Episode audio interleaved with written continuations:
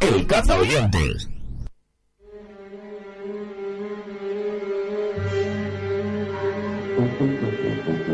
Visitants nocturns amb Xavier Soler.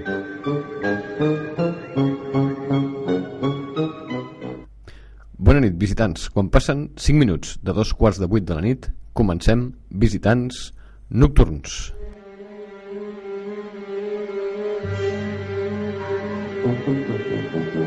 Visitants nocturns amb Xavier Soler.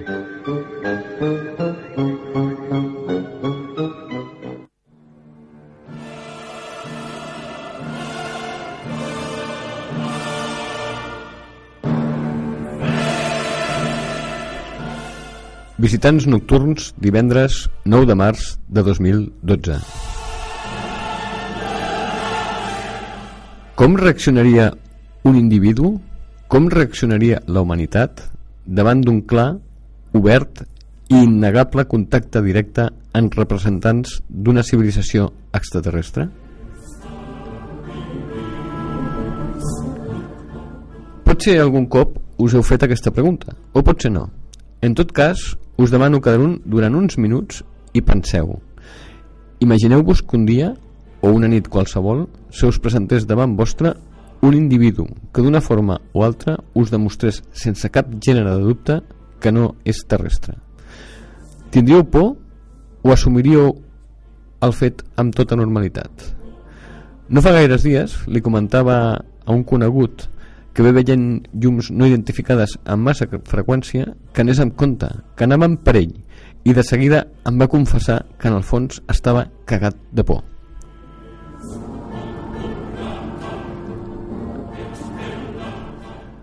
Pot ser ni tan sols aquells que consideren com a possible que qualsevol dia se'ns presenti un extraterrestre estem subjectes a la possibilitat de tenir un atac de por si això succeís algun dia i si un ambaixador extraterrestre es presentés davant d'un president d'un govern o davant de la ONU com reaccionarien? Ho explicarien o bé ho ocultarien? I si es presentessin obertament als cels dels principals capitals del món? Com reaccionaria la humanitat? Com a massa? Es produiria un atac d'histèria col·lectiva o no?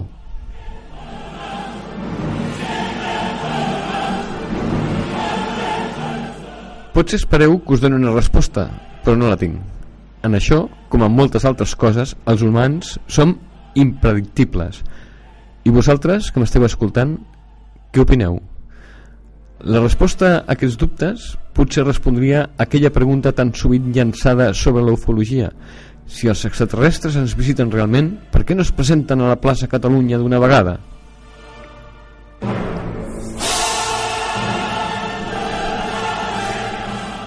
Així ho veig i així us ho he explicat. Ara sí, sense més dilació, comencem Visió Alternativa.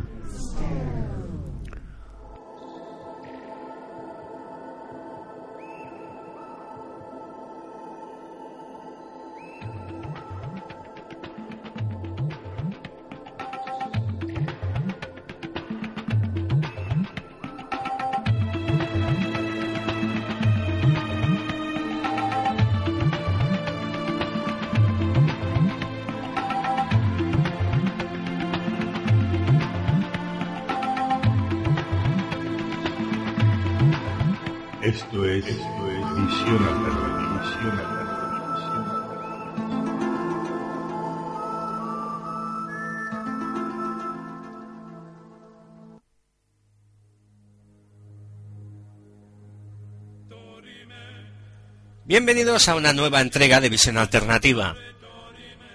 Hoy vamos a dedicar un rato a hablar sobre el proyecto SETI, una experiencia para analizar los sonidos del cosmos. Una de las posibilidades de contacto con civilizaciones extraterrestres puede ser la comunicación por radio. La institución que se ha dedicado con una fuerte financiación de la NASA durante años a trabajar este campo es el SETI. Esta institución fue fundada durante la carrera espacial entre norteamericanos y soviéticos en la Guerra Fría. SETI es el acrónimo de Search for Extraterrestrial Intelligence, es decir, búsqueda de vida inteligente extraterrestre. La experiencia se realizaba utilizando potentes radiotelescopios distribuidos por todo el planeta, entre ellos el de Valle Owens, California, o el muy conocido de Arecibo. El método de trabajo era recorrer 28 millones de canales de radio, al ritmo de 2 millones de canales diarios. Durante la década de los 70 se enviaron mensajes que contienen información en binario, muy al estilo de las placas que portaba la cápsula Voyager. En sus trabajos también han empleado tecnologías alternativas, como la emisión de rayos láser, como los lanzados desde el observatorio de Leubnen en California. En el año 1959, los profesores de la Universidad de Cornell, Giuseppe Cocconi y Philip Morrison, establecieron teóricamente la posibilidad de usar los rayos gamma para comunicarse con otras civilizaciones.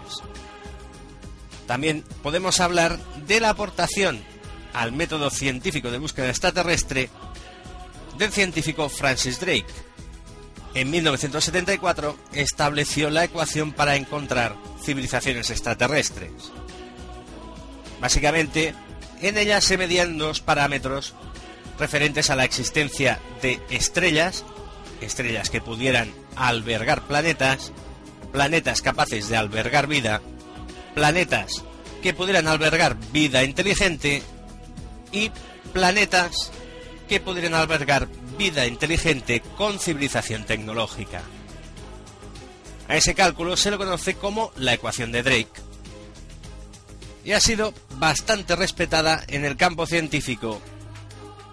En el campo práctico, SETI creó SETI Home, que permitió que pudiera haber buscadores por todo el planeta, utilizando un programa llamado BOINC, Berkeley Open Infrastructure for Network Computing.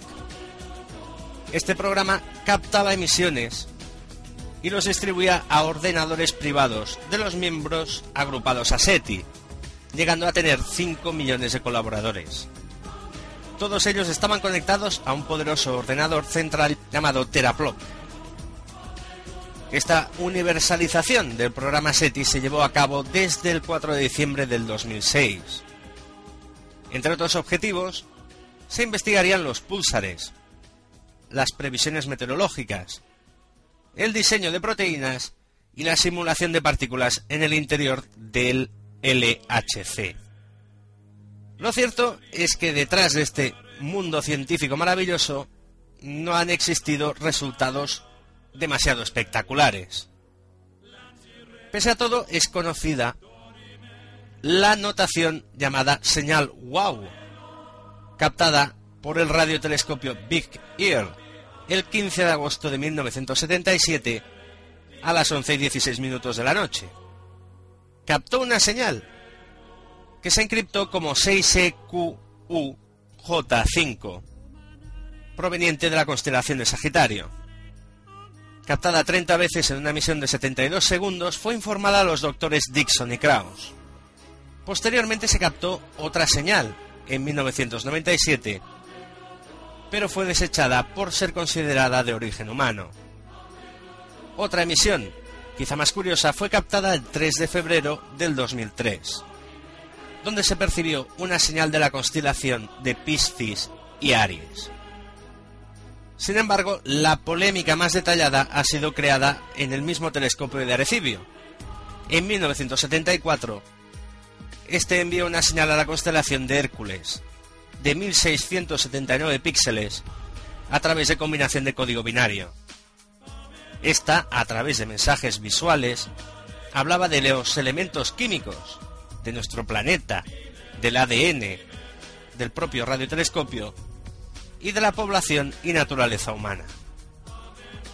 A partir del año 2002, en los campos de trigo de New Hampshire aparece una respuesta a este mensaje que nos presenta en una oportunidad una forma de vida semejante a un famoso gris, una representación de un sistema solar en el que se supone que en su quinto planeta habitaría esta civilización, y en un segundo mensaje aparece otro gris con un disco parecido a un CD con fisuras. Descodificando estas, se lee el siguiente mensaje. Cuidado con quienes, falsos regalos y sus promesas rotas. Mucho dolor, pero aún hay tiempo. Crean, hay bien ahí fuera. Conducto cerrado. Todo este tema nos relaciona con códigos binarios, parecidos a los que aparecían en los famosos textos sumitas de los 80 y la sospechosa creación de campos de trigo. Por último, sobre el proyecto SETI, decir que a partir del 27 de abril del 2011 no tiene subvenciones del gobierno americano debido a esta famosa política de recortes. En España ahora se autodenomina Sociedad Española de Exobiología. A partir de la anterior exposición, podemos hacernos numerosas preguntas sobre la funcionalidad y validez de SETI. ¿Se podría haber establecido contacto con civilizaciones extraterrestres si hubiera continuado este programa? ¿Ha sido el método más eficaz para contactar con vida en otros planetas? ¿Por qué, habiendo tantos avistamientos de ovnis, si estos son de origen extraterrestre, no transmiten desde las naves a nuestros radiotelescopios o a nuestros receptores de diferentes tecnologías? ¿Acaso no son extraterrestres? Aquello que sí es un hecho probado es que los casos de contacto por sonido han sido mínimos, de una procedencia dudosa o simplemente desconocida y que no se han reflejado en nuestra civilización. De nuevo, los científicos, o mejor dicho, los autodenominados escépticos, podrían recurrir al consabido argumento de la dificultad de las distancias, e incluso algunos a los efectos negativos que podría acarrear el contacto con una civilización más avanzada. En el entorno del fenómeno ovni se recurre a dos métodos de enmascaramiento de los hechos. O bien se niegan estos y se inventan hipótesis confusas para explicarlos, o bien se emplea la existencia probada de trucajes, la saturación de datos y opiniones en Internet que no dejan de ser simplemente especulaciones en algunos casos bastante desopilantes. Desde la salida de las cápsulas del Voyager o del Mariner al espacio exterior, la NASA ha dejado de tener un carácter marcadamente científico para ser una moneda de cambio del poder. En los últimos tiempos, ha sido de las primeras instituciones en recibir el impacto de los recortes provocados por la crisis. Aspectos como los misterios de la Luna, los enigmas de las misiones Apolo, la más que posible presencia de agua y de canales en Marte, no hacen más que plantearnos nuevas preguntas. El fracaso hasta ahora de SETI también nos llevaría a preguntarnos si no estamos utilizando una vía de búsqueda equivocada. Si en todo el universo las civilizaciones avanzadas nunca han utilizado la radio, o si hace muchísimo tiempo que abogaron por otro tipo de sistema que no podemos detectar. Si existen civilizaciones avanzadas, probablemente su tecnología esté muy por delante de la nuestra y se nos escape a la comprensión. Para utilizar una cita del famoso escritor Arthur C. Clarke, cualquier tecnología avanzada es indistinguible de la magia. Este es un trabajo colectivo que lleva la firma de los innombrables. Yo soy PR17 y en nombre de todos ellos os emplazo a la siguiente entrega.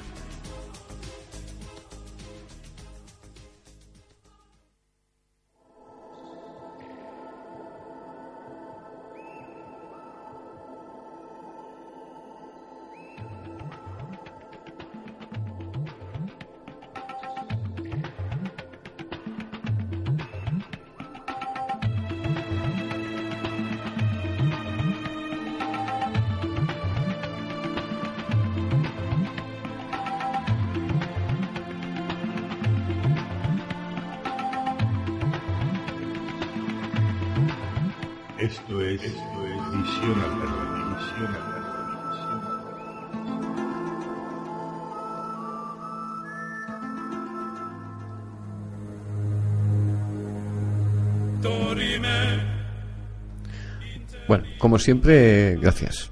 Eh, un trabajo además impecable. Por cierto, solo comparable a uno del que después hablaremos en Visitantes Nocturnos y que homenajearemos con una canción ad hoc. Pero hablando de ese trabajo, eh, yo quisiera hacer un par de reflexiones que vienen muy a cuento con lo que ha comentado Perry17 al respecto. Como nuestros oyentes saben, hay diversos pueblos, por no decir bastantes pueblos, en la Tierra, sobre todo en América, pero también en África, de los denominados no contactados. Es decir, son tribus indígenas, lo que nosotros llamaríamos tribus indígenas, que todavía no han tenido ningún tipo de contacto con lo que sería el hombre blanco, entre comillas. El tema está en que estas tribus no hablan ningún idioma conocido, ni nosotros hablamos su idioma.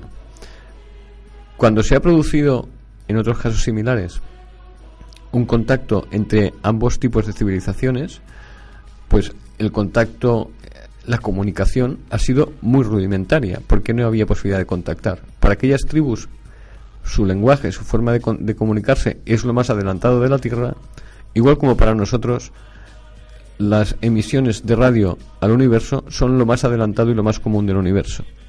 Con esto quiero decir que eh, puede que tengan razón eh, cuando dicen en ese trabajo que posiblemente nosotros pensemos que todas las civilizaciones del universo se deben contactar por radio y posiblemente la radio sea la cosa más desfasada del universo y nosotros todavía no lo sepamos. La segunda reflexión que quería hacer es que mm, parafraseando aquella, aquel- aquella bonita frase que dice no hay peor sordo que, que el que no quiere oír, se podría decir aquella de que no hay peor mudo que el que no quiere hablar. Y si yo fuera extraterrestre y me acercase a la esfera azul que es la Tierra y por un momento viese una reunión de la ONU en la que teóricamente todos los que se comunican se entienden, pero que nadie entiende lo que dice el otro, a mí particularmente se me quitarían las ganas de hablar con nadie de este planeta. Y aquí pongo puntos suspensivos y punto final y reitero las gracias a los innombrables IPR17. Y ahora, sí, empezamos Visitants Nocturns.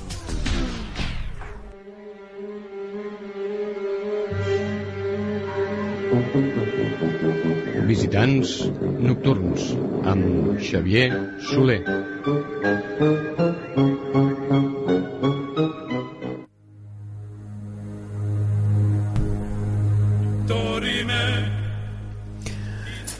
Bé, bona nit de nou. Eh, ens queden 8 minutets per fer així alguna autobombo nostre mateix abans d'arribar a les a la, a la Publi i després ja entrar diguéssim en farina.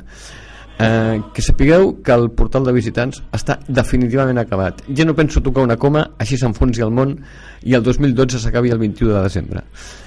Mm, jo crec que ha quedat força panyadet eh? hi ha algú que diu que, no, no, que la gent no sabrà navegar no estic mirant a ningú ni senyalo a ningú Per què em mires, Xavi? no, no ho sé No, ho sé. no, no ho sé, no, no, ¿por qué miras? Porque yo siempre que pasa algo malo veo un reptiliano y digo, seguro que sí. Pero, pero siempre soy yo, ¿no? Ah, Si quieres me puedes utilizar a mí como persona de inteligencia media, que mira, ahora Exacto. mismo estoy delante de la web y si quieres ponme a prueba y Tú- dime a dónde quiero acceder y yo tú- te tú- digo... yo, cómo yo está la única pregunta es, ¿tú sabrías ir pasando de una página a otra? Ya está, una vez estás ahí. En el inicio, muy bonito, dos naves espaciales y te pone una, una bolita que pone entrar. Aquí picas y efectivamente cumple con su cometido, entra en la web. o sea, de momento no la, te la engaña. la portada funciona. Efectivamente, y tal y como entras, pues eh, ahora mismo, como programa MS el divendres de nuevo del 30 de 21 horas, te explica un poquito lo que está pasando ahora, quizá. Claro, es- esto es la gente que entra. Lo que pasa es que, claro, ahora no he tenido tiempo de quitarlo, pero esto cuando entras, lo que te dice- hace un resumen de lo que es visitar. Espérate que ahora entro yo ah, y también me lo miro. Ah, lo, que, lo que entras directamente es a Visitants Nocturns, que es la primera, la primera página, te explica lo que es el programa y abajo mm, siempre pondremos el próximo programa de Visitants Nocturns de qué va. Eh, proper programa, 9 de març en directe. Entrevista a Ricardo Broizar, director y productor de Lo que nos dijeron las voces, Antonio Pérez, nunca, no, nunca s'ha oblidat que va ser testimoni personal i més coses. Això seria per la gent que entra fins a les dos quarts de vuit, diguem, perquè sàpiguen de què anirà la pel·lícula. A l'esquerra, Hay un lo del tema de los podcasts, todos los un podcasts. scroll súper fácil, súper accesible. Per, per què està a banda? Perquè d'aquesta Com forma podeu estar escoltant el, el podcast que vulgueu i podeu estar remenant la web sense perdre el control del podcast. Que d'altra manera, com que el podcast estava dins de la web, si tu canviaves de pàgina et desconnectaves del podcast. D'aquesta manera tu pots escollir, aquí estan tot el, tots els podcasts, pots escollir el que vols escoltar i si et ve de gust pots seguir navegant per la web. Teniu l'accés al blog, que és com, una, com un pot de beguda refrescant, que jo crec que crida molt l'atenció, amb la V de blogger, que només cal clicar damunt de la imatge i accedeixes sobre una pàgina nova i accedeixes. Ahora, ahora sí que viene una pregunta para una persona inteligente. Eh, ¿Tú ves un espacio donde tú puedas buscar otros contenidos? Eh, cierto, hay un espacio que pone salsas eh, socials y hay pues la lata del Twitter, ¿no? La del Facebook y la de... Pero si tú quisieras cambiar de página, ¿qué harías? pues... Eh, Estás hablando con un cazador de oyentes. Sí, Yo sí, creo que, que te estás confundiendo de personas. Pues directamente, si quisiera cambiar de página, o sea, entrar al blog, picar No, no, no, no. Seguid con los contenidos abrir dentro otra, del blog. otra pestañita de que No hay pestañitas. ¿no? Pues Hay una cosa que pone navega. navega. Abajo. Anda, es verdad, navega, vale. Y que pica las flechitas. anda y cambia de Claro. qué bonito.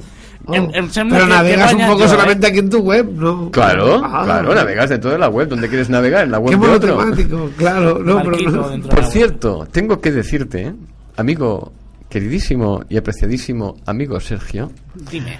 eh, que si has sido capaz de encontrar la forma de navegar, verás que llegas a una parte que pone el cazador de oyentes. Sí, lo he visto. Y sale en nuestra página web muy mona. Sí. Tres latitas refrescantes que pone Facebook, Twitter y con los Google accesos Plus. correctos, con los accesos correctos a Twitter y a Google Plus. A ver si eres capaz de encontrar los accesos directos en tu propia página web. Zas. Zas en toda la boca. No, no es por nada, porque yo, yo dije nada, clico en la página web del cazador de Eh, oyentes. esto y esto ya. hace falta hacer una antena. Hombre, pero es que ¿qué hará, uno- qué hará un oyente si se mete en tu página web y dice, ¡ay! Voy a acceder al Google Plus del cazador de oyentes. Bueno, ¿Dó- pues- ¿Dónde irá a parar? Sa- Saben que tenemos Google Plus. Es tan fácil como meterse en Google y poner Google Plus del cazador de oyentes. Y ya está. Este tío es reptiliano del todo, ¿eh? Que tampoco, a ver, ahora tengo aquí la, la- tengo la web del cazador de oyentes y fácil te vas a redes Sí, sí, sociales. pica, pica, pica, pica. con redes sociales, el wifi de la radio va más lento que el caballo del malo y hasta aquí Facebook, mira. o en todo- Facebook, Facebook, primero, bueno, del Facebook no voy a decir nada, ya se lo diré luego en privado, luego le pegaré un cachetazo. Van cambiando, entonces en No, la ve, red pica, pica, pica en Twitter. Espérate, que ahora están 20. Bueno, pues pica en Twitter, es igual. Si es que pique- piques el enlace que piques, es igual. Pica el que Ah, quieras. Facebook. No, Facebook es el único que está medio bien, Mira, pero solo Facebook medio. enlaza, sí, perfecto. Sí, ese es, vale, ahora vuelve. Ahora pica en Twitter. cualquier otro. Twitter, Pica en Twitter. mira, Twitter, para adentro. A ver, ¿dónde? Twitter. Sí, sí. Espérate. A ver yo, si- yo a- es que no tengo en cuenta, Tito. Es igual, pero se tendría, se tendría que abrir la, la cuenta de vuestra para que uno se pueda, pueda entrar. Mira, ahí la llevas. Lo has cambiado. ¡Zas en toda la boca! Lo has cambiado porque No, yo, no, estaba tal cual. yo no pude acceder el Pues otro día. cámbiate de ordenador. Venga, va, siguiente. Dame otro palo, va. El 20 está bien y el Google Plus, pues no sé si está bien o no, tendré que revisar. Páginas web están al loro. El Google Plus seguro, el Google Plus seguro que no. Igualmente, genios ya le equivocan. unas collejas a los informáticos que tenemos Sí, sí. trabajando ahí en el taller de esclavos, digo, en el, eh, En el ahí pi- en el, en el piso local. pa- en el piso Pantera, ¿no? Es en el local ese donde un saludo. Es que ya, ya decía yo que hacía mucho calor en ese piso. Bueno, pues nada, se- hay ocho páginas de... Hay fotos, hay fotos, hay fotos. Las fotos famosas de Jorge Garrido, ¿no? Si no me equivoco. También. También, estaban por ahí. La del también. oyente que también nos envió el, el, el, el Ondi, ¿no? En el faro. Exacto. Teresa Herrera, ¿se llamaba? ¿Puede ser? O... Eh, Finisterre. Finisterre, eso, perdón. En Teresa fin- Herrera es el campo del rayo. exacto, en el final, en el final de la tierra. Finisterre. Luego, te- luego tenemos los colaboradores, tenemos un eh, el cazador de dientes ya lo pasamos, tenemos comentarios por si alguien quiere dejar comentarios, tenemos las fotos hechas aquí en el estudio, si me dice que acabe, pero todavía queda un minuto, eh, y las fotos de los eventos que hemos cubierto. Y aquí se acaba. Ya, ya puedes cortar, va.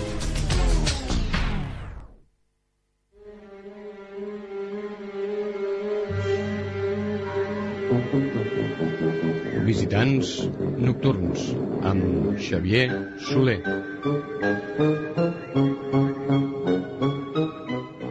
El caza oyentes. Imagina't que les reunions de la teva comunitat de veïns fossin una autèntica trobada d'amics. I que l'ascensor, la calefacció i la parabòlica anessin com una seda. I que la teva veïna toqués bé el piano. Impossible. Cambra de la Propietat Urbana de Badalona. Campanya especial Comunitats 2012 amb importants descomptes. Visitin-se a la Rambla 11, tocant al carrer del Mar de Badalona, de 9 del matí a 2 de la tarda. Telèfon 93 384 1407. Telèfon 93 384 1407 o cambrabadalona.com. 24 hores amb tu. Ràdio Puma 101.2. Sorprèn a la teva parella d'una manera original i innovadora. Edonis, la botiga eròtica més sensual i atrevida. Venda online només per internet. Això et permet privacitat i discreció. Llançaria de màxima qualitat europea i americana. Joguines eròtiques, cosmètica i tot el que puguis imaginar per als moments més íntims amb la parella o a soles. Edonis, botiga eròtica online. El millor de França, Itàlia, Alemanya, Holanda, Amèrica, ara al teu abast, amb només un clic. Entra al web edonis.es, recorda, www.edonis.es i ens descobriràs.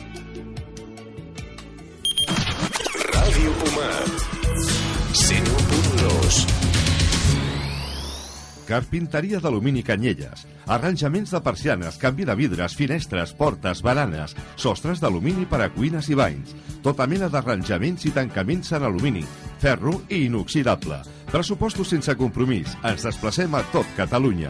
Atenció, només durant aquest mes, si realitza tota la reforma d'alumini de la seva llar, empresa o negoci, li regalem directament, sense cap sorteig, un cap de setmana en un balneari per a dues persones. Carpinteria d'alumini Canyelles, més de 30 anys al sector. Polígon Industrial Bovissa, Tallà. Informis avui mateix al 93 555 50 37. Telèfon 93 555 50 37. La millor qualitat i preu.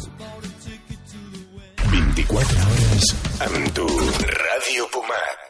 Naranjas de Valencia, directamente del campo a su mesa, naranjasquique.com. Es una empresa familiar dedicada al cultivo y distribución de cítricos cultivados de manera tradicional. Nueve años sirviendo nuestras naranjas, mandarinas, limones y pomelos en toda España. Naranjas en su grado óptimo de maduración. No están en cámaras frigoríficas ni llevan productos químicos adicionales para su conservación. Y lo más importante, a un precio muy asequible. Haga su pedido y conózcanos en naranjasquique.com. También por correo electrónico pedidos arroba naranjasquique.com o al teléfono 96 145 2680. Teléfono 96 145 2680. Ràdio Puma 101.2. Sabia vostè que més del 80% de persones tenen mal d'esquena al llarg de la seva vida per patir sense saber-ho de debilitat muscular lumbar? Té problemes lumbars o cervicals? Ara és possible una esquena sense dolor amb Kisser Training. El mètode Kisser Training reforça la musculatura per prevenir i treure el mal d'esquena. Disposem d'equip mèdic, fisioterapeutes i instructors propis que en tot moment estaran pendents de vostè i del seu problema. Els nostres serveis també van adreçats a totes les persones, home o dona, de qualsevol edat, que desitgin enfortir la musculatura i aparell locomotor. Només són necessaris 30 minuts dos cops per setmana per prevenir i treure el mal d'esquena. Obert els 365 dies de l'any, de 7 del matí a 10 de la nit, ininterrompudament. Kisser Training, únic centre a Espanya. Carrer Montaner 529, Barcelona. Telèfon 93 418 47 20. Telèfon 93 418 47 20. O al web kieser-training.es. El dijous 15 de març, a dos quarts de vuit del vespre, sessió informativa gratuïta. Truqui ara per reservar plaça. Aforament limitat. Telèfon 93 418 47 20. Telèfon 93 418 47 20.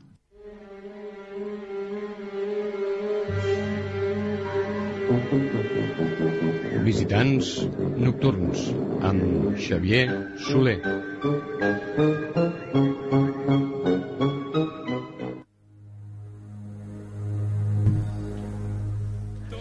Bé, doncs el promès és eh, deute i com us hem dit que parlaríem amb Ricardo Corizat que és el director i productor de la pel·lícula documental Lo que nos dijeron las voces doncs si la tecnologia no ens fa una mala jugada en principi el tenim en línia Ricardo Ricardo? No? No hi ha Ricardo, no. No hi ha Ricardo? pues, eh, deixa, deixem una estona de Menoni i tornem a intentar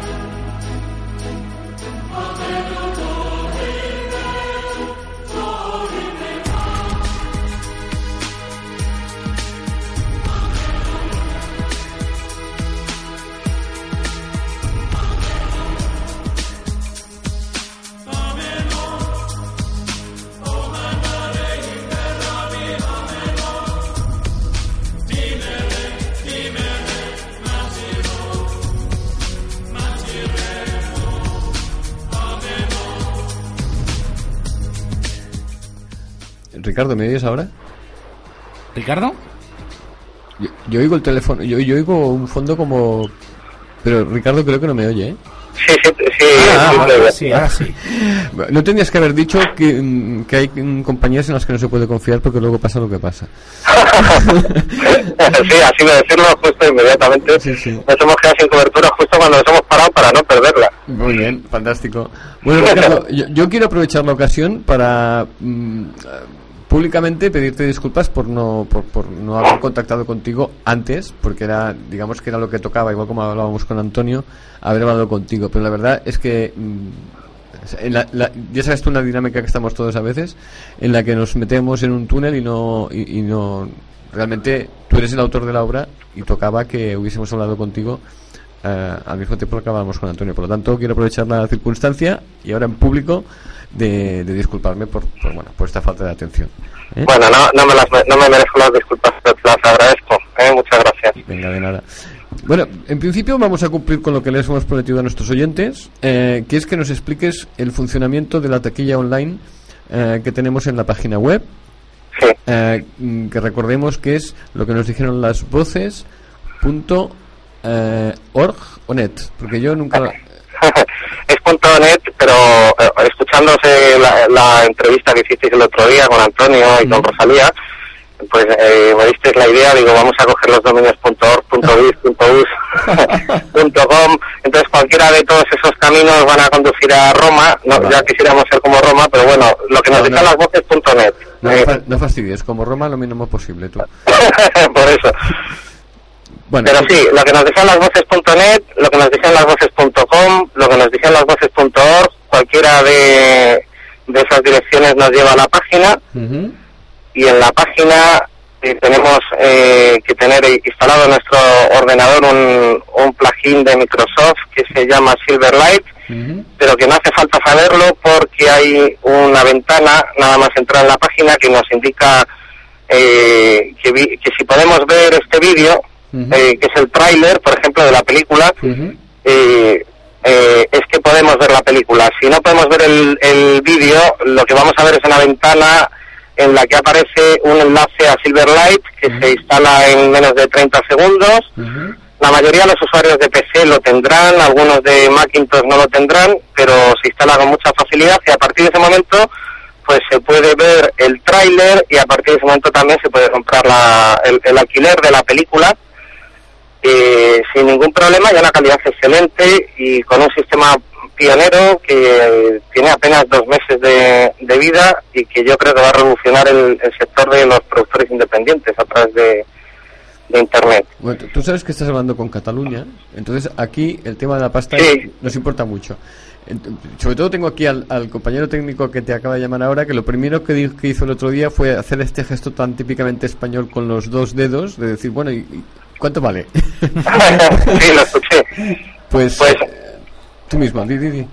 Bueno, pues eh, nosotros hemos hecho varios precios de, de entrada. Eh, hay pases posibles. Uno es alquilar la película durante siete días, es el, el más de todos, digamos, que son 12 euros. Eh, pensando que en siete días tú puedes compartir la película con infinidad de personas, verlas, ver la película todas las veces que quieras.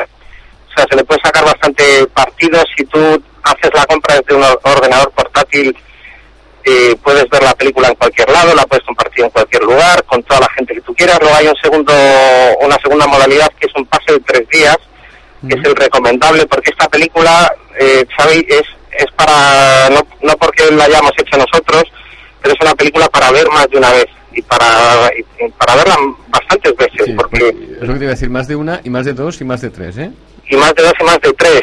Pero también hay una vieja tradición de los investigadores con los que yo he estado trabajando, que he aprendido muchas cosas. y Una de ellas es que siempre que te metes en, en paraísos, eh, eh, en los paraísos de los muertos, como dice una de las psicofonías que aparece en la película, que nos dicen, ven al paraíso de los muertos, pues siempre que te metes el paraíso de los muertos es bueno hacer entre, entre día y día, ¿no? Es decir, pasar una noche eh, sin dormir incluso, ¿no? Pues eh, el pase de tres días es bueno, eso, ¿no? Puedes dejar una noche en medio y volver a ver la película. Y luego tenemos ya un pase que es para un día, que está a un precio de 6, euros. Los, los, los pagos se efectúan en dólares, pero el cambio está rondando los 6 euros, no más. Que es un pase en el que durante un día tú puedes ver la película también todas las veces que quieras. Y bueno, pues la gente dice es bastante caro, ¿no? La gente piensa que es bastante caro. Nosotros en, en estos 6 euros tenemos que pagar un 25%, cerca de un 25% al, a la empresa que distribuye los vídeos y luego tenemos que pagar a PayPal y nuestro rendimiento al final pues sería de un 40% de, de esa cantidad.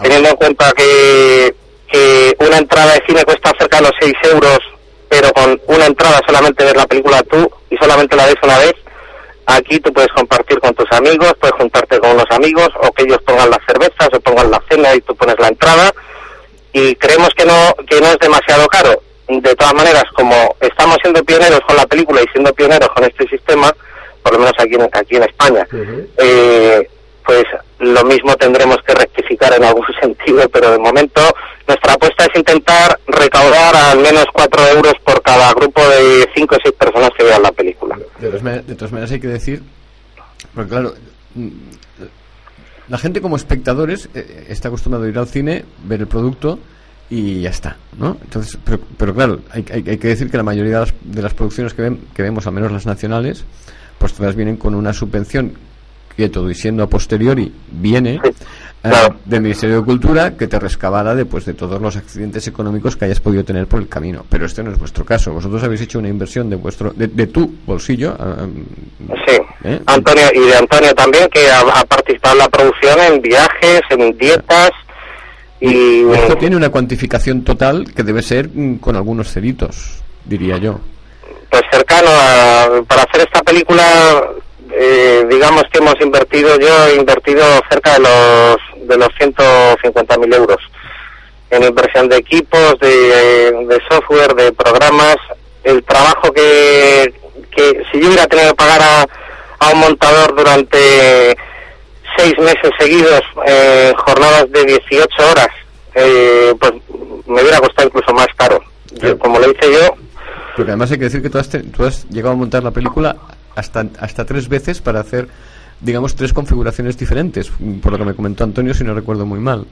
Sí, no más veces incluso, Más. pero sí, claro, hubo una primera versión que hicimos que era que es lo normal, hacen una primera versión de sin miedo, la primera versión siempre tiene que ser libre, eh, era una versión de casi tres horas de película y, y esa fue para hacer un pase cerrado solamente con los investigadores de la película porque a mí me interesaba mucho que vieran todo, ¿no?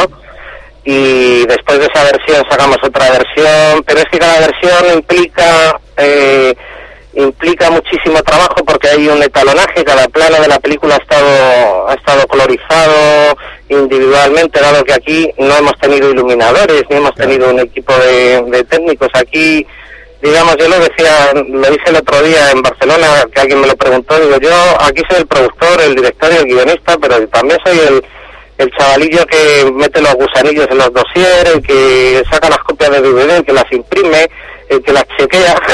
Claro. Hiciste de todo. claro. Entonces, ahora, ahora mismo estamos haciendo, estam- bueno, estoy haciendo los subtítulos ¿no? de, de la película, que es como una pesadilla, eh, que no se asuste nadie, no porque la película sea mala, pero es como estar atrapado en un bucle de esos que hablamos en la película, en un bucle en el que yo mismo otra vez me tengo que enfrentar línea por línea, frase por frase, a, transcribir a varios idiomas todo lo que se dice en la película, ¿no? Entonces sí, esto es eh, todo- todos los que tú que, has tú que vienes de este mundo también y que has hecho también cortometrajes, todo el mundo que ha hecho alguna vez un cortometraje, una pequeña película me entenderá. Eh, eh, aquí eh, es como no quieres dirigir, pues eh, perdonadme la expresión, pues te jorobas, ¿no? O sea, ¿No qui- ¿No quieres caldo? Dos tazas.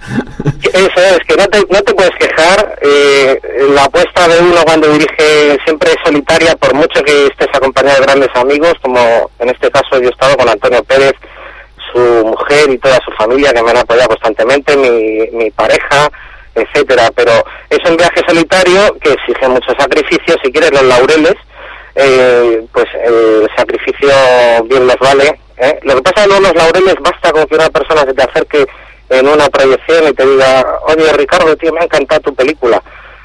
Y con eso ya, Claro, eso ya te, piensa mucho, ¿no? te llenas totalmente, ¿no? Pero sí, es, es una labor muy muy difícil, como vol- volviendo a la pregunta para no evadirme, ¿no? Es no esquivarla. Eh, te tienes que enfrentar a muchas veces a un visionado de un trabajo que tú ya has hecho y siempre te queda ese gustillo de decir, eh, me siento como la novia que se ha probado el vestido antes del día de la boda 200.000 veces, ¿no? Me gustaría romper la virginidad de, del primer día que me lo puse, ¿no? Del Claro. primer día que vi la, la película.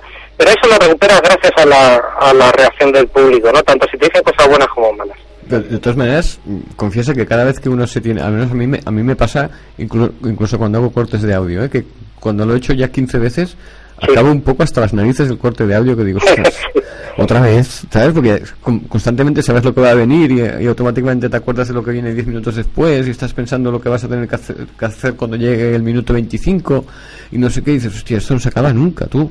Es co- continuamente ver lo mismo, lo mismo, que yo ya me lo sé de memoria, que es para la gente que no lo ha visto. Y uno es consciente que ese trabajo lo tiene que hacer, pero llega un momento que es un poquito cansino. Es cansino, es cansino. Yo tengo un truquillo que no sé si, si a lo mejor a alguien le puede interesar, si lo comparto, que es eh, la primera sensación, que esto es un tópico, ¿no? Dices, la primera sensación es la que cuenta. Pues, por ejemplo, en la película eh, tenemos eh, una psicofonía que tú, tú la viste en Barcelona, ¿verdad? Eh, que dicen, oye, yo quiero tres almas. Hay una, una secuencia de siete voces que interactúan entre ellas hablando de nosotros, que es muy, muy, muy, muy clara, como yo nunca había escuchado una psicofonía. Eh, yo ese día me acojoné vivo, o sea, cuando escuché eso, llamé a Antonio y le dije, ¿esto qué es? Están hablando de nosotros, que tienen tres almas, ¿esto qué es? En ese momento, mi truquillo es coger y decir, apúntate en una libreta todo lo que has sentido en este instante, porque cuando esto lo veas mil veces, Claro. vas a pensar que ya no tiene efecto, que ya no tiene gracia, pues miras la libreta y dices, esto yo dije un día que había que mantenerlo en la película y hay que mantenerlo, ¿no? Para no perder un poco, no emborracharnos con, con, con el vicio, ¿no? De, del de, ver una cosa muchas veces y de hacerla y no perder esa ilusión, que es la que luego le llega al público la primera vez que la ve.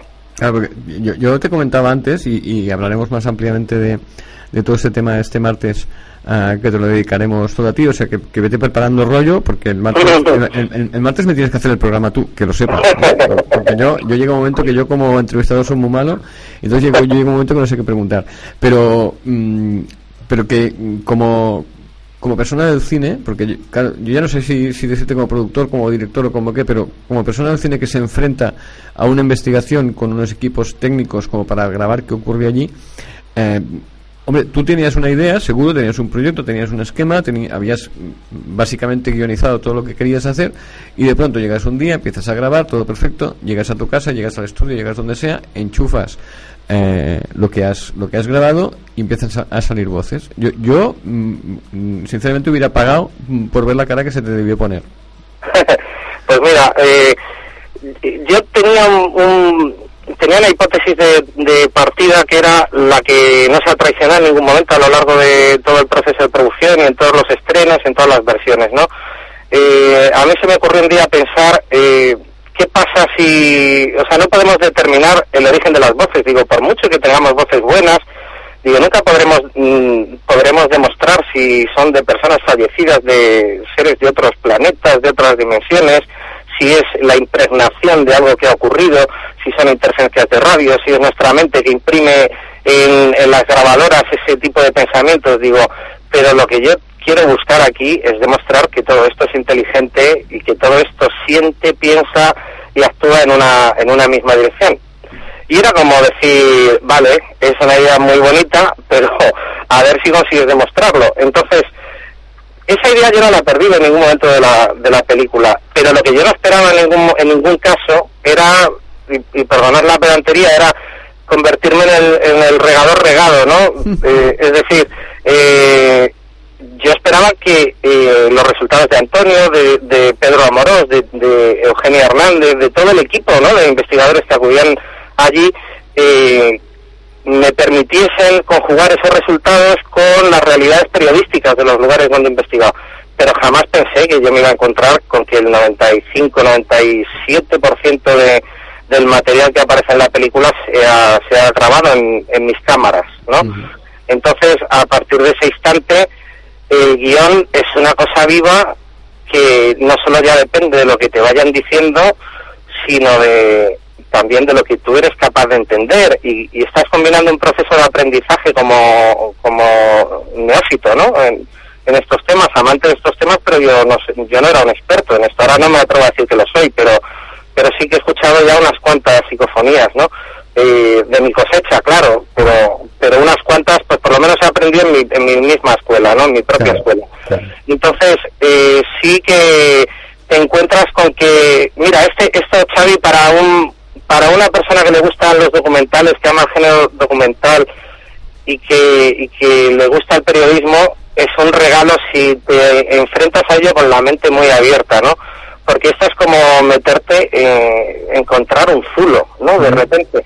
Es encontrar algo que nadie ha encontrado y dices, hostia, eh, perdón, eh, dices, eh, joa, qué enorme, qué cantidad enorme de información, eh, cuántas evidencias de que efectivamente, por ejemplo, en el camping de Nuevo hubo más muertos. Digo, esto, claro, no podemos demostrarlo, digo, pero para un periodista las evidencias son una joya.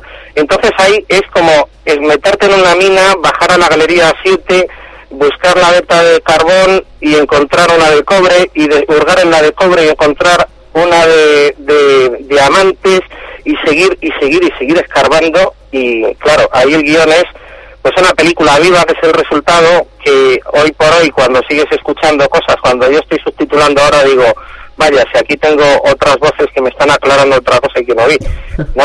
Entonces, es el concepto y es la gran paradoja, ¿no? Una película sobre los muertos que tiene más vida que cualquier película que yo como guionista de ficción no hubiera podido hacer jamás. Sí, no, hombre, eh, ni- aunque hubieras querido, seguro que no se te hubiera aburrido nunca. Vaya. No, claro. Lo- De todas maneras, yo mm, como que creo que haber percibido que tú tienes una especial sim- simpatía con el personaje de Cristóbal Colón, igual me equivoco, pero eh, yo, yo diría que vosotros en realidad habéis hecho un poquito el viaje de Colón. Es decir, buscabais una cosa, habéis encontrado otra, y en realidad no es que la hayáis descubierto, es que la habéis encontrado porque siempre estaba ahí. Y esa puerta que vosotros habéis abierto, seguramente siempre ha estado ahí en muchos más sitios, pero nunca antes alguien intentó abrirla. Pues fíjate, eh, te agradezco mucho que, que abras el melón por ese lado, porque porque yo creo creo que en la película eh, con lo que lo más importante que me he encontrado es que las voces no solo están en los lugares donde han ocurrido cosas, no solo están si tú interactúas con ellas. Yo creo que aquí hay un dial que hay que sintonizar y que en cualquier sitio eh, te puedes encontrar con estas cosas. Porque en la película nos hemos encontrado con voces que están interactuando directamente con nosotros. A mí me llegan a pedir en la película que yo me moría de- del susto. Eh, me llegan a pedir que busque cuántos muertos hay en el suelo de Nuevo, como diciéndome, vente aquí y escarba, ¿no? Y busca. Y dicen mi nombre, es difícil de, no se, no se entiende con mucha claridad, pero después de muchas escuchas yo no tengo más remedio que aceptar que estaban diciendo Ricardo, ven a, a ayudarnos. Ese es un tipo de interacción, pero luego hay otras en las que parece que, y perdonad también la expresión, eh, que las estás pillando de marrón, como es el caso de las del Yo quiero tres almas. Es como que hemos sintonizado al, al filtrar de una manera, hemos sintonizado, hemos encontrado una capa de sonido, es como una piel de cebolla, ¿no? Que vas quitando y te encuentras con que en el 98.6 del más allá, por decirlo de alguna manera, eh, puedes sintonizar el backstage de los eh, de los espíritus de los muertos que viven en el plano de realidad paralelo número 2650, ¿no? Entonces, a veces tenemos eso, otras veces tenemos impregnación, otras veces conectamos con bucles, ¿no? Con, con cosas que decía el otro día Rosalía, que os estuve escuchando, ¿no? Que, eh, pero aquí hay de todo, y lo que tú dices es verdad. Yo creo que aquí eh, hemos descubierto un poco el Mediterráneo, porque realmente solamente eh, no- eh, al enfocarnos, al juntarnos dos personas como Antonio Pérez y yo, el del campo fenomenológico y yo del campo periodístico, eh, ambos sin, con la mente abierta, sin ningún tipo de complejo, intentando no, no crear ningún nuevo dogma, pero no sucumbir ante los dogmas ya establecidos, pues nos hemos encontrado con algo que ya estaba ahí, realmente. O sea, No, Te, te iba a decir que además, a- además de todo el tipo de conversaciones que tú has comentado, hay una que a mí me hizo especial gracia, o a lo mejor no la interpreté bien, ¿eh? pero me hizo especial gracia, no en el sentido gracioso, sino que me llamó la atención. sí, de- creo de- que sé cuál dices. de- de- el típico caso cuando dos personas están hablando delante tuyo, pero están hablando delante tuyo como si, no estu- como si tú no estuvieras, que hay una voz que le dice a otra algo así como, pero ¿qué haces explicándole cosas a esta gente, no? Eh, claro, que dices, eh, eh, es que hay todas las variantes de comunicación eh, interpersonal eh, posibles, mm, se han producido aquí simplemente colocando unas Sí. cámaras y dejándolas grabar, digamos, ¿no? Sí, y, y, sobre todo, eh, Xavi, porque porque aquí yo no tenía la esclavitud de seguir un, un dogma ni un protocolo, lo cual podría tirar por tierra todo el, el producto ahora mismo, si lo mirásemos de mala manera. Pero yo aquí no buscaba eh, la voz que fuera clara, yo aquí buscaba eh, todas las voces que están relacionadas con lo mismo, que todas las voces que formaban parte de un discurso, ¿no? Entonces, yo ahí no he tenido miedo, porque yo lo digo muchas veces, esta película es como, como aprender a hablar spanglish, ¿no? Es decir, eh, yo sé un poquito de inglés, sé un poquito de castellano, eh, mezclo una cosa con otra y entonces lo entiendo, pero si yo me esfuerzo solamente en entender del spanglish, solamente lo que es en castellano, yo me pierdo, me pierdo el sentido de toda la comunicación. Entonces, efectivamente, aquí lo único que hemos hecho es no sucumbir ante esos dogmas, ¿no? O ante esos protocolos. Dogma a lo mejor es un poco despectivo y no es mi intención, pero ante esos protocolos. Entonces, efectivamente, yo creo, volviendo a lo de descubrir el Mediterráneo, yo creo que no, no he descubierto nada, sino solamente una cosa que, eh, que ante este tipo de fenómenos lo que hay que hacer es no dejar nunca de buscar, ¿no? Y no creerte nunca que has llegado ya a, tu destino, ¿no? Sino seguir buscando, porque sí que es cierto que hay conversaciones completas de muchos tipos que se dan dentro de la película, que si hubiéramos ido cogiendo el trofeo de esta voz, mira qué curiosa, qué fuerte es, la hubiéramos sacado del contexto y hubiéramos perdido contextos, ¿no? Pues oye, Ricardo, yo creo que para poner el caramelito en la boca a nuestros oyentes, tanto los de directo como, lo de- como los de podcast, para que nos escuchen el próximo martes, mm, hemos dado tema, ¿eh? diría yo. Entonces, yo si no te parece mal, lo dejaría aquí, porque quiero llamar a Antonio para que nos explique uno de esos casos ovnis que a mí me parece interesantísimo. Y te- solo agradecerte muchísimo que, hayas eh, entrado en este programa y simplemente pues eh, despedirme de ti hasta el próximo martes, que seguiremos con esta conversación, tenemos mucho más tiempo y hablaremos de muchísimas más cosas desde diferentes vertientes que seguramente el oyente ahora mismo no se podrán imaginar. Pues muchas gracias a ti, a, a todo tu equipo y a, y a toda, a toda tu audiencia. Es un placer estar con vosotros y espero repetir esta experiencia el martes, ¿vale? Muy bien, pues oye, nos vemos, nos, nos hablamos, porque no nos vemos, pero nos hablamos el martes y, y seguimos con, con tu experiencia, que yo creo que el- ese punto de vista de que sea tu experiencia es en este caso lo que más nos va a interesar y lo que en realidad a nuestros clientes les va a importar.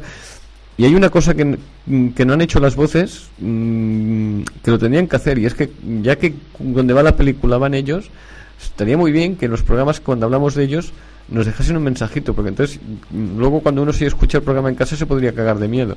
Yo te dije el otro día, Xavi, que algo pasó aquí en el estudio. Sí, pero luego en la grabación no salió nada. No, no, no, no, pero algo, algo, algo se notaba. Sí, a este se le puso gallina de piel mientras estábamos hablando de... Bueno, la piel, la piel de, de, de- de- gallina, ¿no? Se, se dice correctamente. Es que yo siempre lo digo al estilo Cruyff, gallina de piel. pues eh, se, se le puso la carne de gallina y salió, salió, de, la, salió de, la, de la pecera todo acojonado diciendo, aquí ha pasado algo, aquí, aquí hace mucho frío. Entonces, bueno, pero no dijeron nada. Y, yo lo que les reclamaría es eso, que de vez en, cuando dejasen un, un mensajito, porque ya que ellos saben todo lo que se dice de ellos, porque lo saben, pues que dejasen algún mensajito y, y todos quedaríamos como mucho más contentos, digamos, ¿no? Pues pidiéndolo con tanto cariño y tanta educación, no dudes que te lo van a conceder, porque la última vez que estuve en Radio Nacional de España haciendo, grabando una entrevista, eh, algo parecido dijo la, el- la realizadora del programa y estuvieron todo el tiempo que estuvimos haciendo la entrevista eh, encendiéndose y apagándose las luces del estudio. Entonces, pidiéndolo con tanta educación, seguro que, que algún testimonio, alguna evidencia nos deja. ¿Y ¿Qué era el, pro- en el programa de Blanco? Eh, fue con Miguel Blanco en un, eh, en, en un programa que grabamos para Radio 5, un programa que se emite los domingos en Radio 5. Y, y en ese es donde ocurrió. Eh, Estuvieron todo el rato parpadeando las luces, ¿no? Pues, debió ser el Blanco súper acojonado aquel programa. el Blanco se reía y dijo algo parecido. Dijo, bueno, es que estas cosas solo hay que pedirlas con sentido del humor, quizás, ¿no? Muy bien, pues oye, eh, insisto Ricardo, mm, nos hablamos el próximo martes y que tengas un muy buen fin de semana. Muchas gracias a todos. Venga, un abrazo. Hasta luego.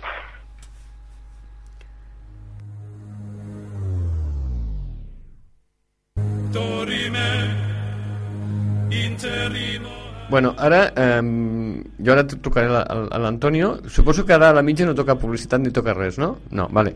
Doncs eh, ara posarem una cançó que és un, un homenatge particular que jo vull fer a, ara, a part de complir una promesa que vaig fer diumenge al matí que tu no et deus en recordar però tu sí, tu sí que t'acordes? Jo sí.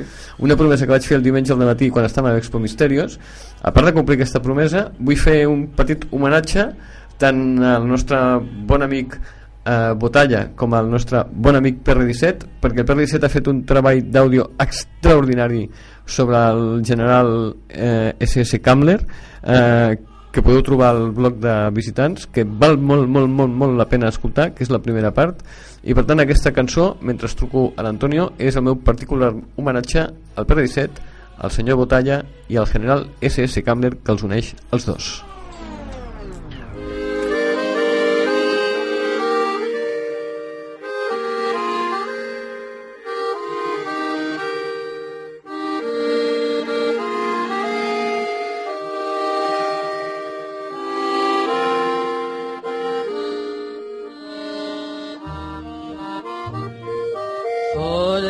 der Kaserne, vor dem großen Tor, steht eine Laterne und steht sie noch davor.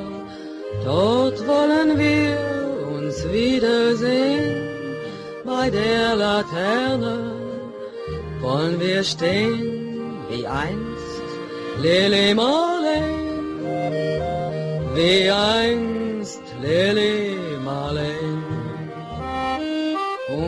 Beiden Schatten sahen wie ein aus, dass wir lieb uns hatten, das sah man gleich daraus. Und alle Leute sollen es sehen, wenn wir bei der Laterne stehen, wie einst Lili Marley, wie einst Lili. Deine Schritte kennt sie, deinen schönen Gang. Alle Abend brennt sie, doch mich vergaß sie lang. Und sollte mir ein Leid geschehen, wer wird bei der Laterne stehen? Mit dir, Lili Marley, mit dir, Marley.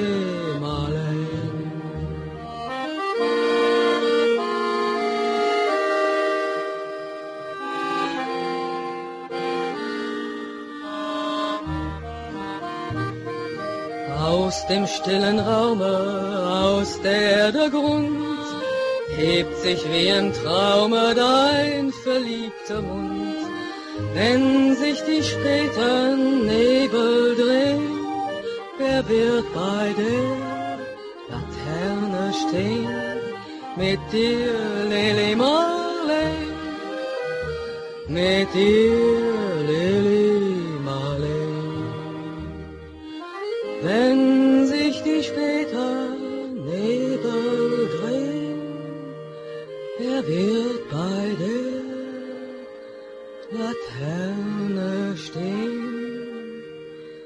m'étire l'élément.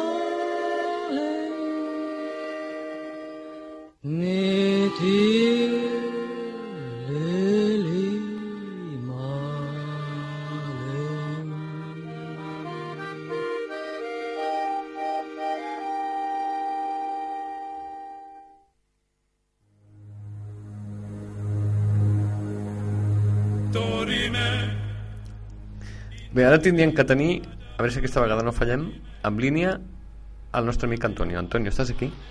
Pues sí, por aquí ando. Manifiéstate. Aquí estoy, buenas noches. Buenas noches. Bueno, hoy no. eh, Acabamos de hablar con, con Ricardo. Por cierto, no- nos lo hemos pasado muy bien hablando de fantasmas, de cine y de todo. Ah, y, y el martes que viene tendremos una, una sesión doble, digamos, ¿no? Entonces, eh, yo hoy me he enterado. mm, hoy me he enterado que en realidad tenemos una posibilidad técnica que yo pensaba que no tenía. O sea que igual eh, el lunes me pongo en contacto con vosotros dos y hacemos alguna cosa rarita el martes a dúo, que igual hasta podemos y todo. Qué bien, ¿no? Vosotros lo habláis, yo no me entero de nada y luego me metéis a mí en el banco, vale, Yo- vale. a él no se lo he dicho eh, todavía. Yo te lo estoy diciendo a ti ahora en directo, en primicia, porque a él no se lo he querido decir, porque luego digo, o sea, luego si luego la cuestión técnica no falla, ya solo falta, ya al Ricardo no me hace falta esto ya, ¿no? Entonces, mm, yo, yo- yo a ti te lo aviso como sorpresa para él, que de momento no nos debe estar escuchando. Luego seguramente oirá el podcast y dirá, mm, qué marico, ¿eh? que no me lo ha dicho a mí, ¿no? Eh, pero a ver si podemos para el martes y, y a ver si pudiéramos intentar hacer una, un, du- un dueto con vosotros dos eh, sobre, mm, con vuestras diferentes visiones y sobre todo con la visión de él como, como cineasta que a lo mejor quedaría como, como muy guay. No sé, yo se lo comentaré a él el- el- este fin de semana o el lunes a ver si por Facebook lo puedo pillar, a ver qué le parece. Muy bien, yo estoy a vuestra disposición. Muy bien. Bueno, hoy no estás aquí como parapsicólogo, hoy estás aquí como ufólogo. ¿Eh? Quítate el sombrero de una cosa, ponte el sombrero de la otra. y yo me acuerdo que cuando estábamos en Expo Misterios, el domingo por la tarde, me- explicaste un montón de casos, yo me acuerdo solo de un par o tres, pero a mí me hizo mucho, me llamó mucho la atención el caso que me explicaste, que tú le llamas de, de la luz o del foco de luz, pero para, ir poquito a poco, a mí me gustaría primero que nos ubicases ah, en el tiempo y en el espacio, es decir, en el año y el lugar exacto de la cosa. Bien, te cuento. Eh, este caso que, que a ti te llamó tanto la atención eh, sucedió en 1985 y es en una zona de aquí de Murcia, eh, bueno, en la, en la sierra que tenemos aquí pegada en, el, en la parte más alta del sudoeste de aquí de la región de Murcia, eh, está el santuario de la Fuensanta y por encima del santuario, eh, digamos que está el pico más alto que es conocido como, como la cresta del gallo y es un es un sitio paradisíaco, es maravilloso. La gente, aunque está un poquito alejado de la capital, bueno, nosotros teniendo Montjuic, Tibidabo, pues más o menos esa distancia, ¿no? Eh, pues la gente sube por allí, pues eh, a hacer senderismo, andar, hacer mountain bike con las bicicletas y es, hay una zona como recreativa, un peñasco donde la, la gente sube a hacer escalada, eh, le llaman la panocha, incluso el pico más alto, ¿no? Pero es que por la parte de atrás, estamos hablando año, año 1985, desemboca en un valle bastante cerrado de unas montañas que no tenían vegetación, solo era pues montaña de, de- de tierras ma- amarillas. Cuando tú llegabas ahí, subías al monte, veías todo el monte, y cuando lo bordeabas, de repente te encuentras con que te encuentras eh, un valle en el que nada más que hay, como aquí se llaman cerros, pequeñas montañas eh, amarillas. De- detrás de ese valle eh, sería ya el Mar Menor, que algún día te contaré historias del Mar Menor. Y, y, y bueno, pues eh, nosotros en, a- en aquella época, 1985. Que, que hay que decirlo, tú, tú eras un crío. Bueno, tanto no es. Bueno, bueno, bueno. Recién te habías licenciado de la mili, vaya. Eh, no, todavía no me he ido a la mili. Pues imagínate, dice que no era un crío. ya te Tenía vale. 20 años, sí. Ya te vale. Bueno, pues en aquella época nosotros eh, éramos muy, pero muy seguidores de, de todo lo, lo que se movía en el ámbito de la ufología a nivel nacional y a nivel mundial. Recuerdo que en aquella época, pues eh, lo que más llamó la atención fue el, li- eh, fue el libro de la gran oleada de Juanjo Benítez, en el que aparece el caso de la Operación 23 de Francisco Padrón allí en Canarias, lo de lo que sucedió en la playa de la Tejita, el avistamiento, el encuentro de la tercera fase, todo lo que hubo. Y nos llamó la atención porque eh, el contacto lo habían hecho vía eh, Ouija, ¿no? Y entonces nosotros, pues ni cortos ni perezosos, yo era el, peque- el de los benjamines del grupo, eh, decidimos empezar a subir. ¿Cuál es el sitio más caliente en el que más avistamiento hay en los últimos 20 o 30 años? Pues en la cresta del gallo. Pues bueno, pues nosotros vamos a subir a la cresta del gallo y nos vamos a ir al pasaje lunar porque allí tenemos conocimiento de casos que, que han sucedido en los últimos 30 o 40 años muy importantes y ahí nos vamos a montar nuestra mesa, a montar nuestra hija, vamos a intentar contactar. Bueno, pues eso es lo que empezamos a hacer. Perdón, hasta que, bueno, te he de decir que la zona esa que nosotros escogimos eh, era la zona que escogía eh, allá por el siglo XII Ben Arabi, es decir, es este musulmán que murciano que falleció en Damasco en, en- bueno, nació en, en el 1164 y falleció en el 1240 y fue el máximo exponente del panteísmo musulmán, eh, era un tío muy letrado, un tío, pero él cuentan que ya se iba a aquella zona precisamente para hacer sus meditaciones y sus retiros. Estamos hablando de un enclave muy importante, muy fuerte, ¿no? Que digamos eh, está en el linde que separa Murcia del Mar Menor, que justo, justo el linde sería ese pequeño valle, ¿no? O sea que en el fondo sería una Montserrat, una Montserrat, una montaña equiparable en ciertos aspectos con- como nuestro Montserrat, ¿no? Digamos, es una, una, una montaña con energía, un, uno de Sí, aquellos no. puntos energéticos importantes, digamos, ¿no? Claro, pero vosotros tenéis Montserrat, pero tú imagínate que justo, justo, justo detrás de los peñascos más altos de Montserrat te encontrarás con un valle cerrado en el que no existiera la vegetación, solo unas eh, pequeñas montañas, unas pequeñas lomas amarillas, ¿no? Bueno, pues eh, eso sería el paisaje lunar. Se llama paisaje lunar porque es lo más parecido a lo que veíamos en el año 69, pues cuando nos pasaban las imágenes de, de- de cuando llegaron a la luna, ¿no? Pues bueno, eh, nosotros llegamos allí, montamos nuestra mesa, montamos nuestra ouija y empezamos a intentar contactar. Hasta que de repente, eso era un verano, ¿no? El verano de 1985. eh, algo nos dice un día y una hora. Nos dice, no ahora exactamente no recordaría el día, pero mm, un día y una hora. La hora creo que nos dijeron las 11 de la noche. Bueno, pues nosotros esa noche subimos allí, eh, subimos cuatro, que éramos, éramos cuatro solo de un grupo de, de siete u ocho, porque lógicamente todos no podemos siempre.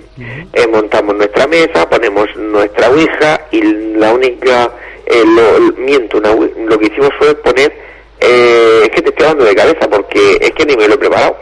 Bien hecho, así sale mucho Claro. más bonito y mucho más natural. Lo que hicimos fue eh, poner un grabador para intentar obtener alguna psicofonía como única portadora, pues la- el pequeño el poco pillar de alguno de los pájaros por ahí y nos aparece una inclusión que dice eh, os estamos viendo. Digo, pues mira, pues parece que, que la cosa va bien. Bueno, pues el contacto era a las 11 de la noche. Mm, Resulta que a las 11 de la noche mm, nada. Las 12 de la noche nada a la una ya estábamos cansados y entonces empezamos a jugar con las linternas, enchufando hacia el cielo, hacia lo que sería el valle con esas eh, lomas y ya empezamos a enfadarnos, pues vaya, vaya un no sé qué, pues para qué nos traen, para qué no sé qué. Total, que de repente estábamos prácticamente a punto ya de, miento, ya habíamos empezado a recoger parte del equipo, cuando hay como un destello de luz desde el centro del valle, digamos, ¡uh! un destello de luz, pero impresionante, yo nunca he visto nada semejante. Eh, imagínate mm, 30, 40 metros de diámetro y, y que iba desde el centro, digamos, del valle y se perdía en el infinito. Y nosotros, de repente se apaga. Nos miramos, ¿esto qué es? Se vuelve a encender, se apaga y lo hace dos o tres veces. Y cuando ya de repente se apaga y no se vuelve a encender, nosotros nos, estamos ahí perplejos. no llegamos ni, ni, ni, ni a, comunicarnos entre nosotros, nos mirábamos como diciendo, ¿qué es lo que estamos viendo? Porque sabíamos que en el centro del valle no hay carreteras, por ahí no hay nada de aviones, en nada se parecía a un Fighter, es decir, mm, era algo para nosotros incomprensible, además inconcebible. Y, de repente, eh, todos callados, no escuchamos nada, no vemos nada, ni nada, y empezamos a hablar, oye, ¿qué, te ha qué has visto esto? ¿Qué madre mía? ¿Qué ha pasado esto? Y escuchamos como unos chasquidos de pues como la zona esta de monte mediterráneo, en la zona donde nosotros estábamos, que es una loma que está justo, eh, digamos que es como un mirador hacia, hacia el paisaje lunar, pues la, la típica rama, el follaje el suelo de, de, de- de este pino mediterráneo, y empezamos a escuchar como pisadas. Y curiosamente nosotros estábamos mirando hacia el valle y estábamos a unos 15 metros de lo que es como un acantilado de que con un picado de unos 30 metros, 35 metros, y de repente eh, nos aparece por ahí, por esa zona, un hombre. Claro, imagínate, nosotros solo llevábamos un camping gas. Solo, esa, y las linternas, ¿no? Y estamos con el camping gas, y de repente nos aparece un hombre que viene de esa zona, se para unos 5 o 6 metros, en ningún momento, en ningún momento, hizo ademán de acercarse más, se quedó ahí parado, y nosotros lo mirábamos, y él nos miraba, y ahí hubo unos segundos que, que para nosotros fueron, para mí por lo menos, fueron infinitos. Hasta que él es el que rompe el hielo y nos dice que eh, se preguntarán ustedes qué es lo que estoy haciendo aquí. Bueno, yo soy un vecino de allí enfrente, gira el brazo hacia atrás, hacia el valle, dice, y he visto aquí movimiento y como sube gente de toda índole, he venido a ver qué pasaba. Una vez que veo que son gente de paz, me marcho. Buenas noches. Y se da el hombre la vuelta y desaparece por donde había aparecido. Claro, nosotros nos quedamos, pues imagínate, un hombre, te quiero decir que sería un hombre de unos 50, 50 y algún año, poco pelo, bajito, pero la apariencia to- y totalmente normal, su morfología totalmente normal. Un españolito medio, para entendernos. Sí, sí, sí. Y nos quedamos ahí un poco parados y, hasta que bueno, pero este hombre dice que viene de ahí enfrente. Pero ¿cómo que viene de ahí enfrente? Si es la una de la madrugada. Y ahí enfrente lo que hay es eh, unos pequeños caseros, unos pequeños cortijos y están a 14 o 15 kilómetros. Y entonces eh, mm, lo que hacemos es intentarnos acercarnos a la orilla, a, digamos, a la punta de, de- de- de esa pequeña plataforma donde estábamos y no veíamos nada, también era normal. Apenas había luna, el camping gas se nos había quedado a las espaldas, pero bueno, eso no es lo que más nos llama la atención, porque es lógico que no viéramos, pero eh, nos callamos totalmente y no escuchamos ni chasquidos de, de, de ramas, ni, ni de pisar, ni de nada. Algo que allí eso es inconcebible. Bueno, pues eh, lo que quedó claro esa noche es que nosotros no, no íbamos a bajar por ahí. Eh, pues podemos estar loc- eh, ser medio tontos, pero no estamos locos. Y, y lo que decidimos es, bueno, vamos a intentar digerir qué es lo que hemos visto, qué es lo que ha sucedido, y mañana ya, ya veremos. Al día siguiente, pues cuando nos ponemos en contacto, bueno, yo no encuentro explicación, quién sería, qué sería, qué cosa más extraña.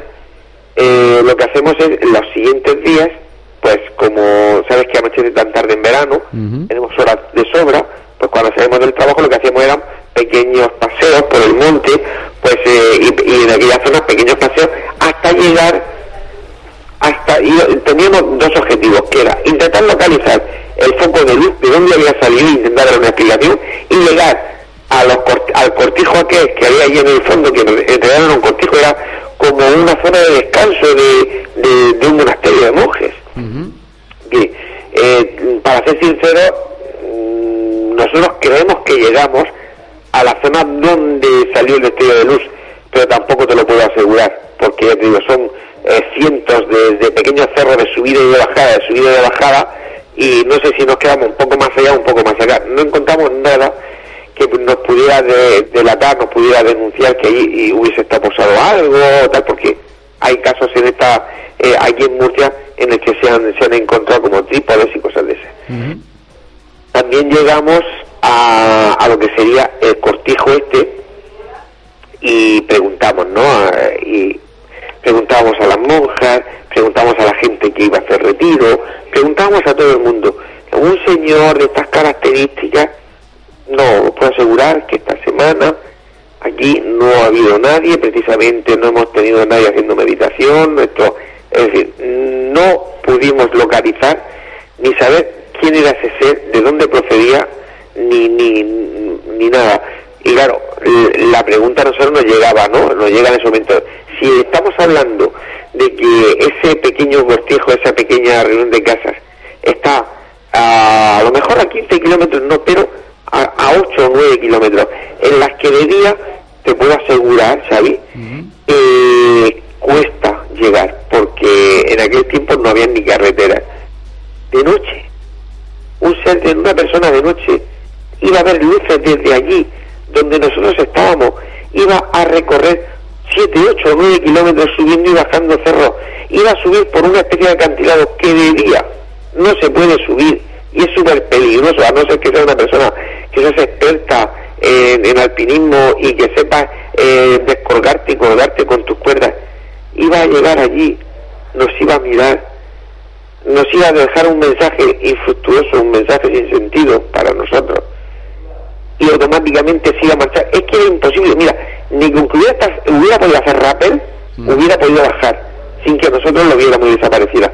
¿Dónde se metió? ¿Quién era? Y además sin hacer ruido, que esto es No, otro. no, sin hacer nada de ruido, es que mm, la sensación es que se fumó. Y claro, como allí nos han sucedido casos, y, y yo tengo testimonios de casos muy parecidos, pues eh, eh, la única conclusión que llegas es que o estamos en, en, en una zona donde puede haber alguna especie, y a lo mejor nos van a tratar de loco, pero bueno, estamos en un programa en el que yo que podemos hablar así, alguna especie de puerta estelar, Aquí estamos todos medios locos, o sea que... Claro, alguna especie de puerta estelar, eh, eh, yo qué sé, ¿sabes? Mm, Alguna especie, como yo le llamo, de cortina, eh, de estas de plástico, en la que giras un poco y entras en otra sala que a lo mejor están pintando, pero si te quedas en esta la cortina no te ven, no lo sé, no lo sé. La cuestión es que eh, es un caso que a mí me llamó poderosamente la atención y que todavía conservo muy, muy, muy adentro porque nunca podía dar explicación. Luego, luego me surgió otra duda, ¿no? estábamos allí y dice, bueno, es un foco de luz que salía como del centro del valle hacia el, infinito. Oye, ¿y si, ¿y si fue al revés? ¿Y si fue desde arriba alguna nave, alguna cosa hacia abajo y fue lo que provocó que apareciera ese ser? No sé si me explico. Sí, sí, perfectamente. Es, es, eh, es ahí a donde me lleva a mí y durante muchos años nosotros, María, que también estaba esa noche allí, eh, eh, no hemos llegado mm, a, poder sacar una conclusión, digamos, medianamente coherente, ¿no? Porque es que es un, es un sinsentido. Es un muy parecido a otros sinsentidos que he tenido eh, precisamente en esa zona. Nosotros hemos ido a ver en pleno verano cruzarnos por ahí con una persona con un chándal, con un anorak, con unas zapatillas nuevas, flamantes, sin una nota de polvo, por allí en medio, por aquellos campos, y que nos ha saludado de una forma efusiva. Y le hemos sabido, hemos dicho, oh, qué tío, ¿de dónde habrá salido que no ni las botas manchadas? Y en pleno verano, a 40 grados aquí, como va vestido, que es para asfixiarse. Pero es que le preguntamos a la- al grupo que va por delante, ¿hay más raro? Y nos dice, ¿qué tío? Si no nos hemos cruzado con nadie. ¿Cómo que no hemos cruzado con nadie? Si hace dos minutos que ha pasado por delante nosotros y hace nada. Y cuando nos hemos, nos hemos girado, ¿sabías? No había nadie. Y estamos hablando de, de, digamos, lo que es un- un- un- una calle, un pasillo, un terraplén de más de un kilómetro. ¿Te imaginas? No, no sé si imagi- no sé si imaginármelo, porque me estoy como medio acojonando, o sea, que- así que no sé si Pues imaginármelo. eh, es el típico, es el tipo de, de- de casos que nos solemos encontrar o que nos hemos encontrado eh, eh, en esa zona. Yo te digo, desde, desde el siglo XII eh, tenemos conocimiento de que allí suceden cosas, hay avistamientos de otra índole. Piensa que eh, muy poquito, como te comentaba antes, por detrás está el Mar Menor. Y en el Mar Menor sí que tenemos testimonios de, de- de pescadores y de gente, incluso tenemos la leyenda leyenda de la princesa rusa que desapareció y que aparece ahí en la isla del Barón. Es decir, que estamos en una zona muy, muy, muy, muy especial, muy especial. Y hablando de ovnis tenéis ovnis y osnis. Sí, oh, te sabes, eh, eh, nosotros tuvimos la ocasión de hablar en su momento con Francisco Simón Ors, ¿te acuerdas de la bomba? Que nos contó la historia de, de- de la bomba, la famosa bomba de Palomares y después nos contó, pues, eh, que fue un año después precisamente, lo, lo de los ni Un día le vamos a dedicar un ratito y vamos a... Porque hoy ya nos hemos quedado, ya estamos... Vamos a hablar, sí. Que ya me está, ya me está mirando Sergio con muy mala cara. Pero escucha, quiero decir una cosa muy clara. Yo mm, de, ufología muy poquito. Ufología muy poquito, lo toqué muy poquito al principio. Yo más eh, fantasmogénesis, casas encantadas y, casas infectadas y este tipo de investigación. Lo que pasa que, que como soy un curioso y he tenido la suerte, o tengo la suerte de que mis dirigentes de redes son curiosos, pues eh, tocamos todos los palos, pero no es nuestro fuerte. Tú, tú déjate de cuentos, que con los 6, 7, 8 casos que me estuviste explicando así como una metralleta el domingo por la tarde... Sí, pero Xavi, son 6 7 casos en 30 años, ¿sabes? Que no es tanto. Bueno, yo, préstame un par, ya me lo... ¿Sabes? Quiero decir, yo no tengo tantos en 30 años tampoco. No, no, no es una cosa tan normal, quiero decir que, oye, valóralo tú. Hay que tener suerte. Yo siempre digo que hay que tener suerte y nosotros en ese aspecto sí que hemos tenido suerte porque hemos, nos hemos encontrado con gente muy, muy, muy válida, muy importante y con casos que merecido la pena. La, suer- la suerte es como la casualidad, Antonio, no existe. Hay que buscarla, sí. Bueno, oye, pues un, un placer. Y, y a ver si el viernes que viene te hago hasta una, una careta de entrada y todo, para que quede más bonito. y, el, y el viernes que viene mm, me gustaría que me explicases el caso del 850, que pasó en el mismo sitio, pero como que este por lo que me explicaste es muy cortito y ya la descripción del sitio y todo esto ya lo has hecho, por lo tanto quedará mucho más corto. Mm, me gustaría que me explicases alguno de los que me explicaste de los grises, mm, de aquellos que saltaban, el de los cazadores, que a mí me, Además, de to- además de todo es gracioso el de los cazadores porque tiene un final como, como las películas con final sorpresa, ¿sabes? Sí, sí, sí. a, mí me, a mí me gustó mucho. Vale. Entonces te emplazo a que te, a que te lo prepares para crear expectativa a nuestros oyentes, tanto el uno como el otro. Y seguramente con un poquito más de tiempo que hoy nos explicas estos dos casos. ¿Te parece bien? De acuerdo, muy bien. Pues venga, un abrazo y hablamos del tema del martes, ¿vale? Un abrazo, hasta el martes. Venga, chao, chao.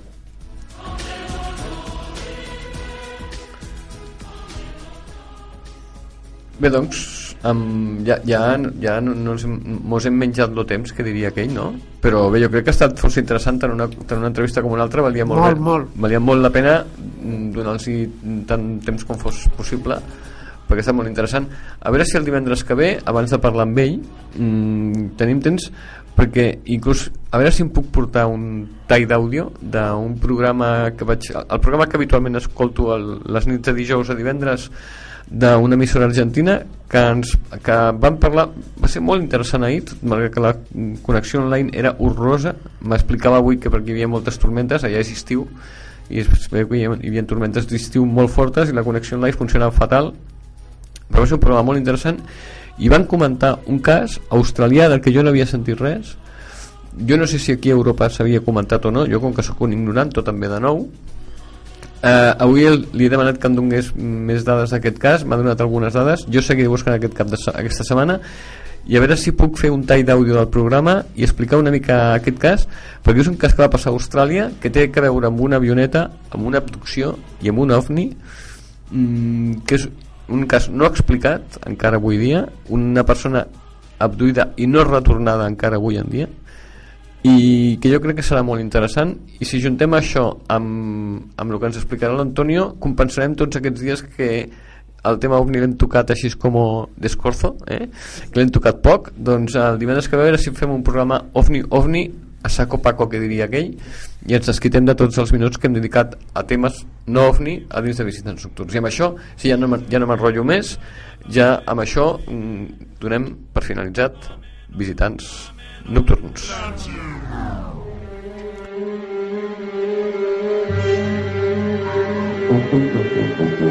Visitants nocturns amb Xavier Soler.